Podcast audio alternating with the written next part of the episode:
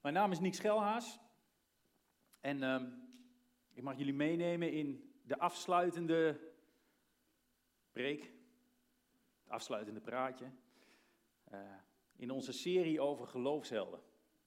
Vier keer hebben we het er al over gehad.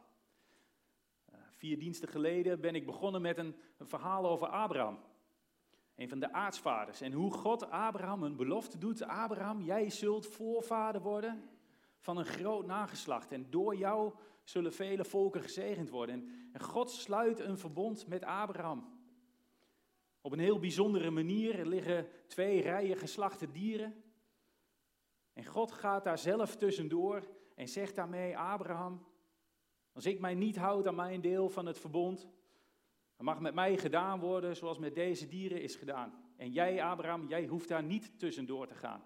Want als jij en jouw nageslacht zich niet aan de afspraken houden, dan ook mag met mij worden gedaan, zegt God, wat met deze dieren is gedaan. En twee weken later had Hanneke het over Isaac, de zoon van Abraham. Hoe Isaac keer op keer ruzie kreeg met zijn omgeving, op zoek moest naar een nieuwe plek, nieuwe putten moest slaan om water te krijgen. En zo rondtrok tot hij uiteindelijk ook rust kreeg van God. En God, die belofte die hij al aan Abraham had gedaan, herhaalde Isaac. Jij zult vader worden van een groot nageslacht. En Isaac krijgt op zijn beurt twee zonen, Jacob en Esau. Tweeling. In de buik lijken ze al mot met elkaar te hebben. Het staat beschreven in de Bijbel dat het heel onrustig was tussen die twee. En dat blijft eigenlijk hun hele leven zo. Jacob moet op een gegeven moment zelfs op de vlucht voor Esau, want hij heeft op een hele slinkse wijze het eerstgeboorterecht van Esau afgetroggeld, in ruil voor een kommetje soep. En op zijn vlucht legt hij zich op een gegeven moment te rusten, hij ligt te slapen en hij krijgt een droom over een ladder die reikt tot aan de hemel. Laat het je op, laat het je af. Matthijs had het daar twee weken geleden over. En ook nu doet God opnieuw een belofte. Jacob, jij zult vader worden van een groot nageslacht. Nou, Jacob heeft daar goed aan meegewerkt. Hij trouwde met twee vrouwen, Lea en Rachel. Lea kreeg hij een beetje opgedrongen, uh, maar van Rachel hield hij echt heel veel. En bij Lea kreeg hij tien zonen en bij Rachel twee, Jozef en Benjamin. En over Jozef gaan we het vandaag hebben de zoon van Jacob. Jozef is een kleurrijke figuur. Uh, ik denk dat ja, in elk geval de mensen die hier vandaag zijn, die, die vroeger naar een, een zondagschool zijn geweest, die kennen Jozef. Uh, vanuit de kinderbijbel. Veel verhalen. Kunnen we even kijken, wat weten wij hier zoal van Jozef? Roep eens wat. Dromen hoor ik, mantel hoor ik, put, veel broers, hij is verkocht. Ja, ja, heel goed. Nou, veel verhalen die zich goed lenen voor de kinderbijbel. Uh, en vandaag gaan we het hebben over Jozef bij Potifar. Hoe is Jozef bij Potifar terechtgekomen? Nou, eh, er zijn al een aantal woorden geroepen. Uh, Jozef was een verwend jongetje.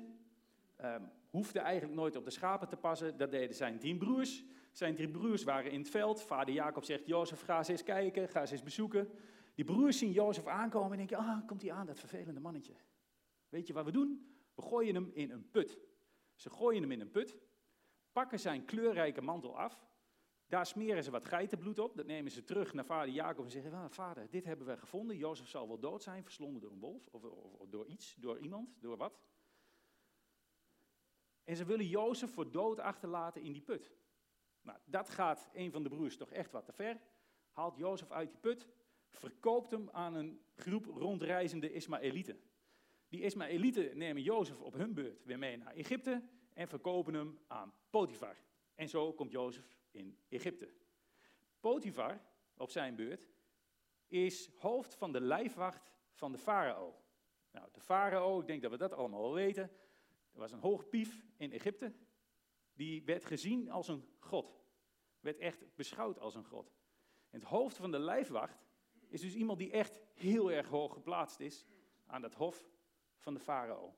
En daar komt Jozef in huis. Jozef is me nogal een mannetje. Hij was zeker niet de populairste. Maar het is wel iemand met karakter. En dat staat in hoofdstuk 39 van het Bijbelboek Genesis, het allereerste Bijbelboek, uh, beschreven. En dat ga ik niet helemaal met jullie doorlezen, daar is het eigenlijk iets te lang voor. Maar ik wil vandaag met jullie gaan kijken naar met name vers 8 uit dat hoofdstuk. En daar staat dit. Maar dat weigerde hij. Sinds ik hier ben, zei hij, hoeft mijn meester zich hier in huis nergens meer, zich nergens meer over te bekommeren. En hij heeft mij het beheer gegeven over al zijn bezittingen. Er is niemand hier in huis belangrijker dan ik. En hij heeft mij niets onthouden behalve u, omdat u zijn vrouw bent. Hoe zou ik dan zo'n grote wandaad kunnen begaan en zo kunnen zondigen tegen God? Ik vind dat nogal bijzondere woorden. Zeker als je kijkt naar wie Jozef eigenlijk is in dat huis van Potifar. Ik heb het net al verteld. Hij is uit de put gehaald, hij is verkocht aan Ismaëlieten. Die Ismaëlieten hebben hem verkocht aan Potifar. Van een verwend jongetje die het aan niks ontbrak. Die alles had wat zijn hartje begeerde. Die maar met zijn vingers hoefde te knippen. En hij werd bediend. Is hij verworden tot een slaaf. Iemand die niks heeft, die niks te zeggen heeft, die maar gewoon moet doen wat zijn baas hem opdraagt. Het eigendom van een of andere rijke tata in een ver land, in een vreemde cultuur. Reden genoeg, zou je zeggen, om het bijltje erbij neer te gooien. Kom tegen de krip. Als het zo moet, dan laat maar. Dan hoeft het van mij niet meer. Dat is toch niet wat Jozef doet. In vers 3 van datzelfde hoofdstuk staat er dit. Omdat zijn meester zag dat de Heer Jozef terzijde stond en alles wat hij ter hand nam liet slagen, was hij Jozef goedgezind. Hij maakte hem tot zijn persoonlijke bediende, liet de gang van zaken in huis aan hem over en gaf hem het beheer over alles wat hij bezat. Jozef zet zich in. Jozef pakt aan wat er voor zijn handen komt. En God zegent dat. Op zo'n manier dat Potifar dat ziet en hem tot de belangrijkste persoon in zijn huishouden maakt. Alles aan Jozef overlaat. Je vraagt je af hoe lang zoiets goed kan gaan. Een verwend jochie, wat nooit enige vorm van verantwoordelijkheid heeft gehad, komt op deze hoge positie aan het hof van Farao. Kan hij daar op een goede manier mee omgaan? Nu heeft Jozef het, in dat vers 8 wat ik net heb gelezen, tegen de vrouw van de Potifar. En deze vrouw heeft, heeft moeite met die machtsverhoudingen bij haar in huis. Er is zo'n slaaf binnengekomen in, in, in, uit een vreemd land. En zij ziet dat die slaaf langzaam maar zeker steeds meer bewegingsruimte krijgt. Steeds meer verantwoordelijkheden krijgt. Uh, eigenlijk heeft hij alles te zeggen daar in huis. Misschien wel meer dan zij te zeggen heeft. En dat, dat, dat vindt ze lastig. Alles wat, haar hartje, wat, ze, wat ze begeert, wat haar hartje begeert, dat heeft ze. Maar die slaaf, het trekt haar aandacht. En dat hij haar aandacht trekt, is trouwens niet iets wat Jozef zelf bewust doet. Het is eigenlijk, als je dit hoofdstuk leest, Genesis 39, helemaal een beetje het verhaal rondom Jozef. Ehm, hij is heel passief, neemt heel weinig actie, lijkt het. Het lijkt alsof alles hem een beetje overkomt. En zo ook deze aandacht van de vrouw van Potifar, het overkomt hem. Want, zo staat er, hij is knap en aantrekkelijk. Er zijn maar heel weinig mensen in de Bijbel waar iets wordt gezegd over hun uiterlijk. Dus hij zal wel echt een lekker ding zijn geweest. En dat trekt de aandacht van deze vrouw. En in de vertaling van het boek staat het heel goed beschreven. Zij wil met hem naar bed. Slaap met mij. Dat staat er. Ze heeft alles wat haar hartje begeert, maar het is niet genoeg voor haar. Die slaaf, die knappert, lekkere ding, die wil ik. En elke dag, dagelijks, probeert zij Jozef te verleiden. Ze moet en ze zal met hem naar bed. Maar dan kent ze Jozef dus niet. Staat hier. Maar dat weigerde hij. Wat een held, denk ik dan bij mezelf. Wat een kerel. Die heeft echt karakter. Die weet waar hij voor staat. En dan verwacht je dat hè, iemand die al door God gezegend wordt in alles wat hij oppakt. Nou, als je zo'n standpunt maakt, dan zul je toch zeker gezegend worden. Dan krijg je toch extra beloning van God. Maar nee, niks is minder waar. De weigering roept frustratie op bij de vrouw van Potifar. En op een gegeven moment ziet zij haar kans schoon. Ze zijn met z'n tweeën in dat huis. Blijkbaar zijn alle mannen weg. En ze grijpt Jozef vast. En ze probeert zich aan hem op te dringen.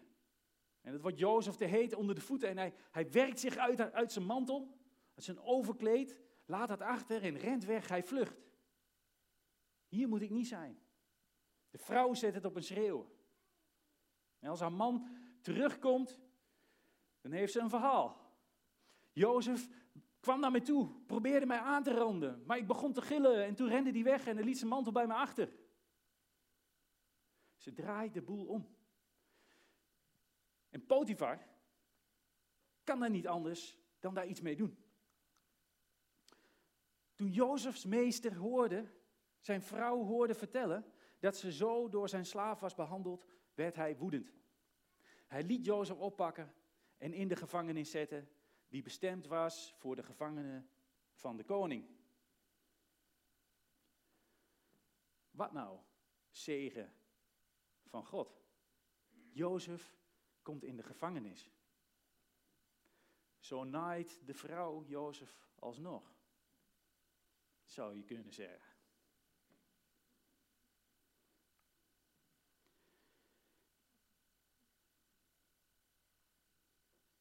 Even kijken waar ik ben, na zo'n grap.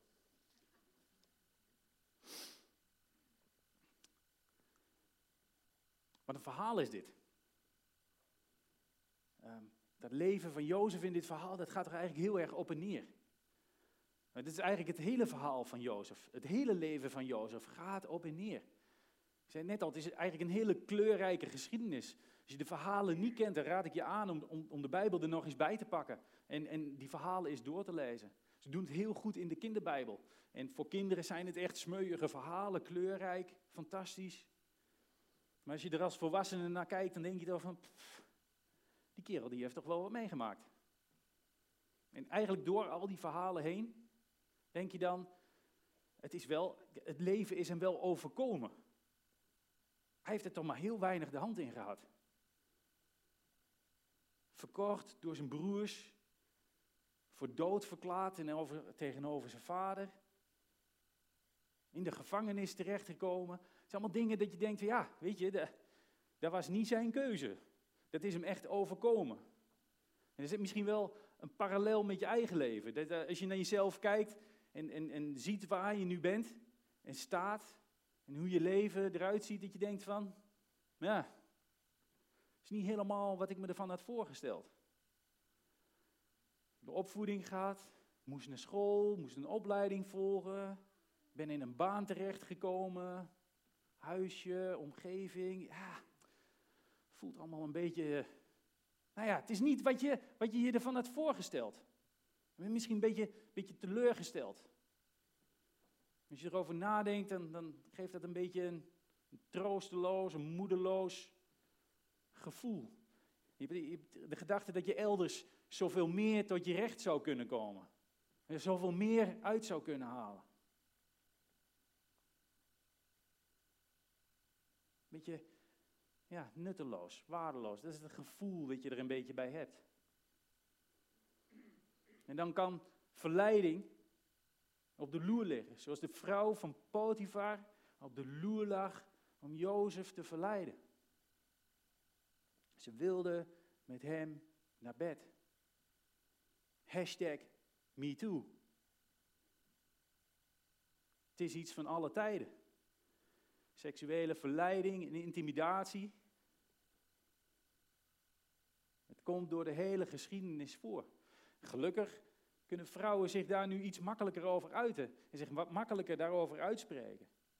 Ik zou zeggen, we zijn er nog lang niet. En de andere kant, wat we ook in dit verhaal zien, is ook waar. Er zijn ook veel vrouwen die zich heel verleidelijk opstellen en proberen te verleiden.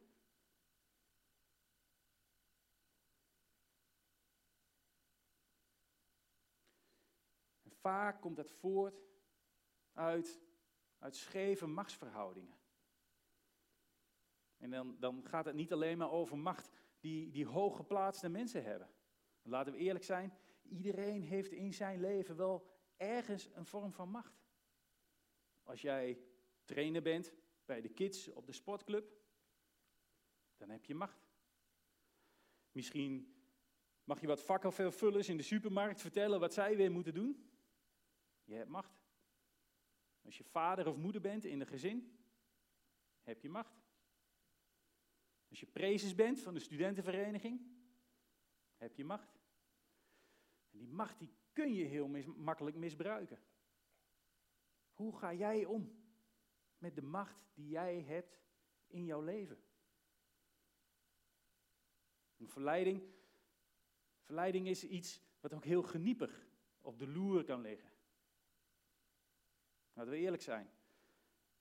Eén enkele zoekterm op Google, Instagram, welke social media app dan ook. En de aantrekkelijke dames en heren spatten van je scherm af. En dan kan het moeilijk zijn, als je daar gevoelig voor bent, om die verleiding te weerstaan. Iedere dag opnieuw.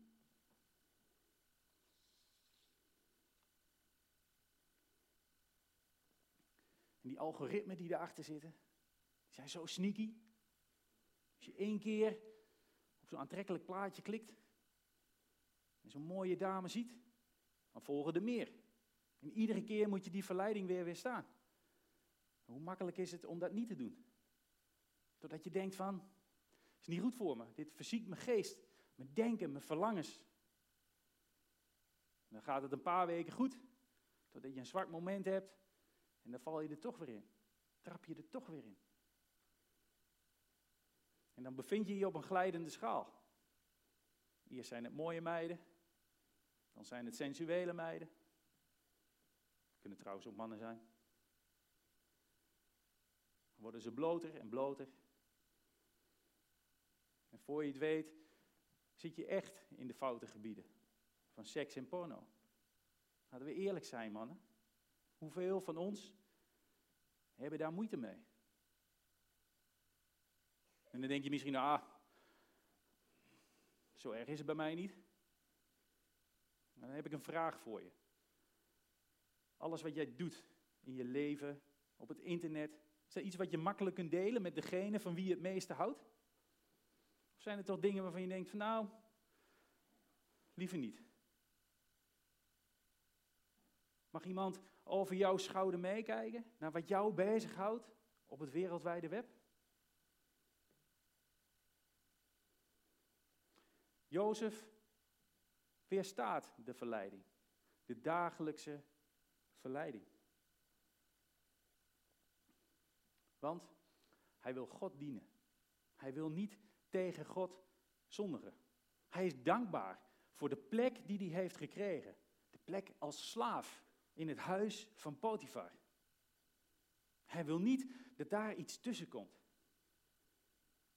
Hoe zou ik zo kunnen zondigen tegen God? Is de vraag die hij stelt.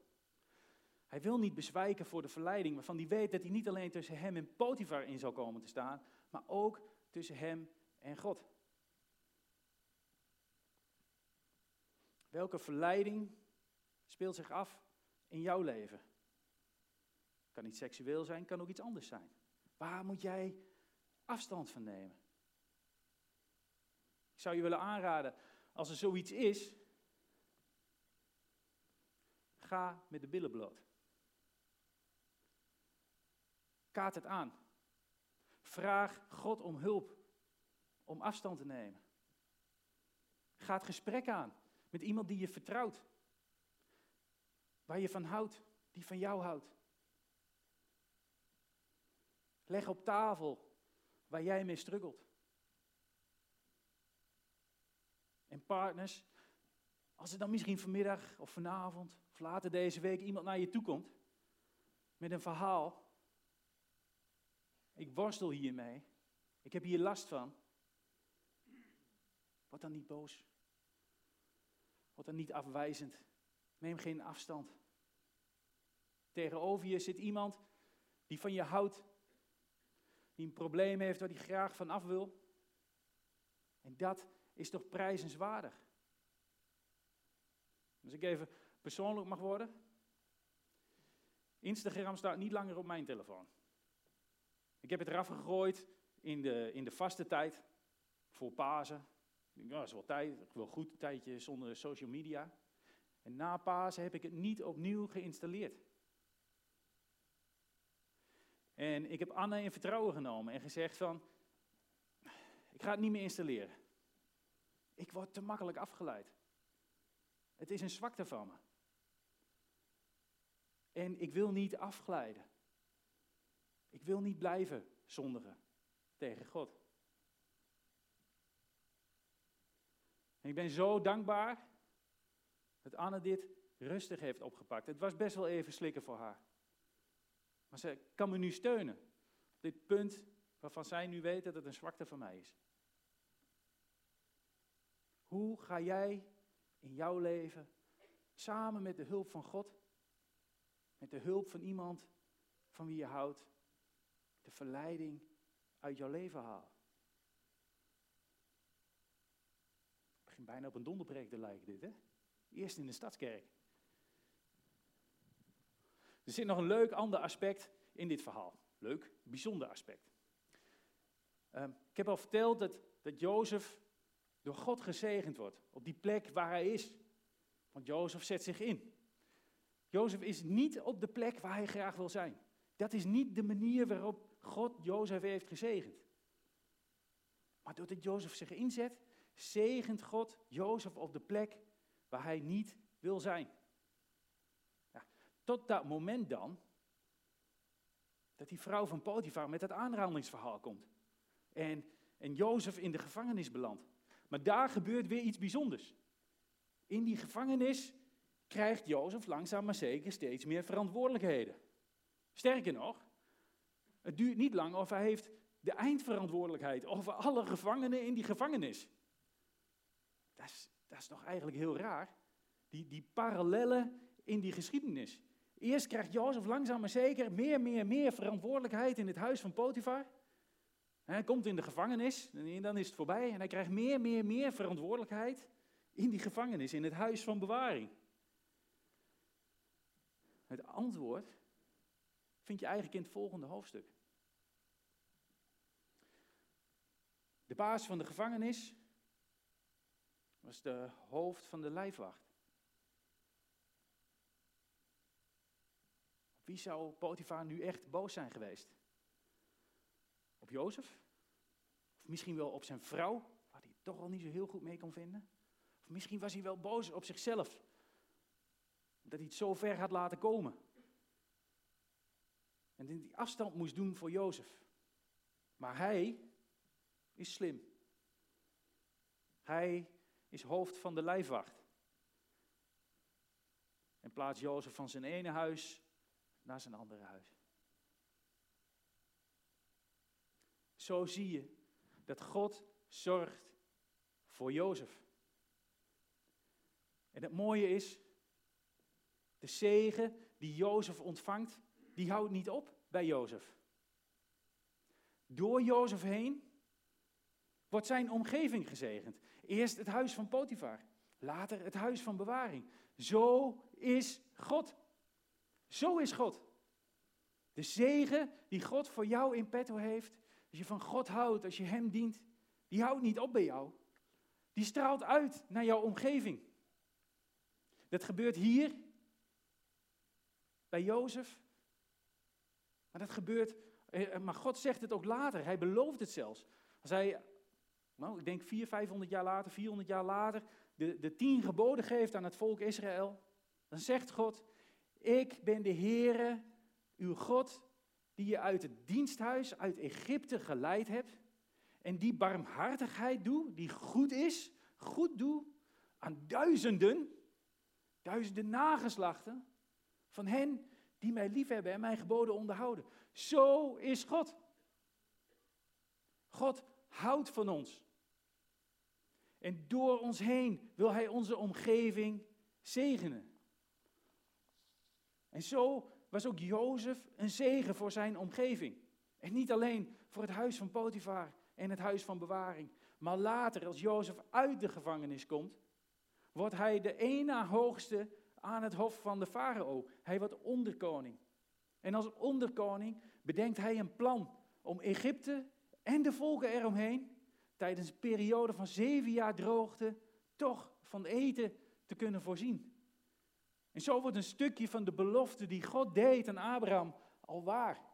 Abraham, door jouw nageslacht zullen volkeren gezegend worden. Jozef ging niet bij de pakken neerzetten op de plek waar hij was. Nee, Jozef zette zich in. Jozef voegde zich in het plan dat God met hem had. Hij voegde zich in het ontwerp van God. En zo kon hij schitteren en de zegen die hem ten deel viel delen met zijn omgeving. En daar zit een parallel in met wat er in het Nieuwe Testament gebeurt met Jezus, die ook de hemel achterlaat, komt naar de aarde, een plek waar hij ongetwijfeld liever niet zou zijn. Maar daar voegt hij zich in het plan van God. En handelt hij naar het ontwerp van God. En schittert hij en geeft hij de zegen aan de mensheid. Wil jij, net zo als Jozef, schitteren? Zet je dan in op de plek waar God jou nu heeft geplaatst. En als je te dealen hebt met verleidingen die je, die je gedachten bezighouden, probeer er afstand van te nemen met zijn hulp. Voeg je in zijn plan, naar zijn ontwerp. Geef je over aan zijn liefde. Laat je leven tot eer van hem zijn. Laat je leven een halleluja zijn. Waardoor niet alleen jij, maar ook jouw omgeving mag genieten van de zegen van God. Zodat Gods liefde door jou heen kan schitteren als een diamant.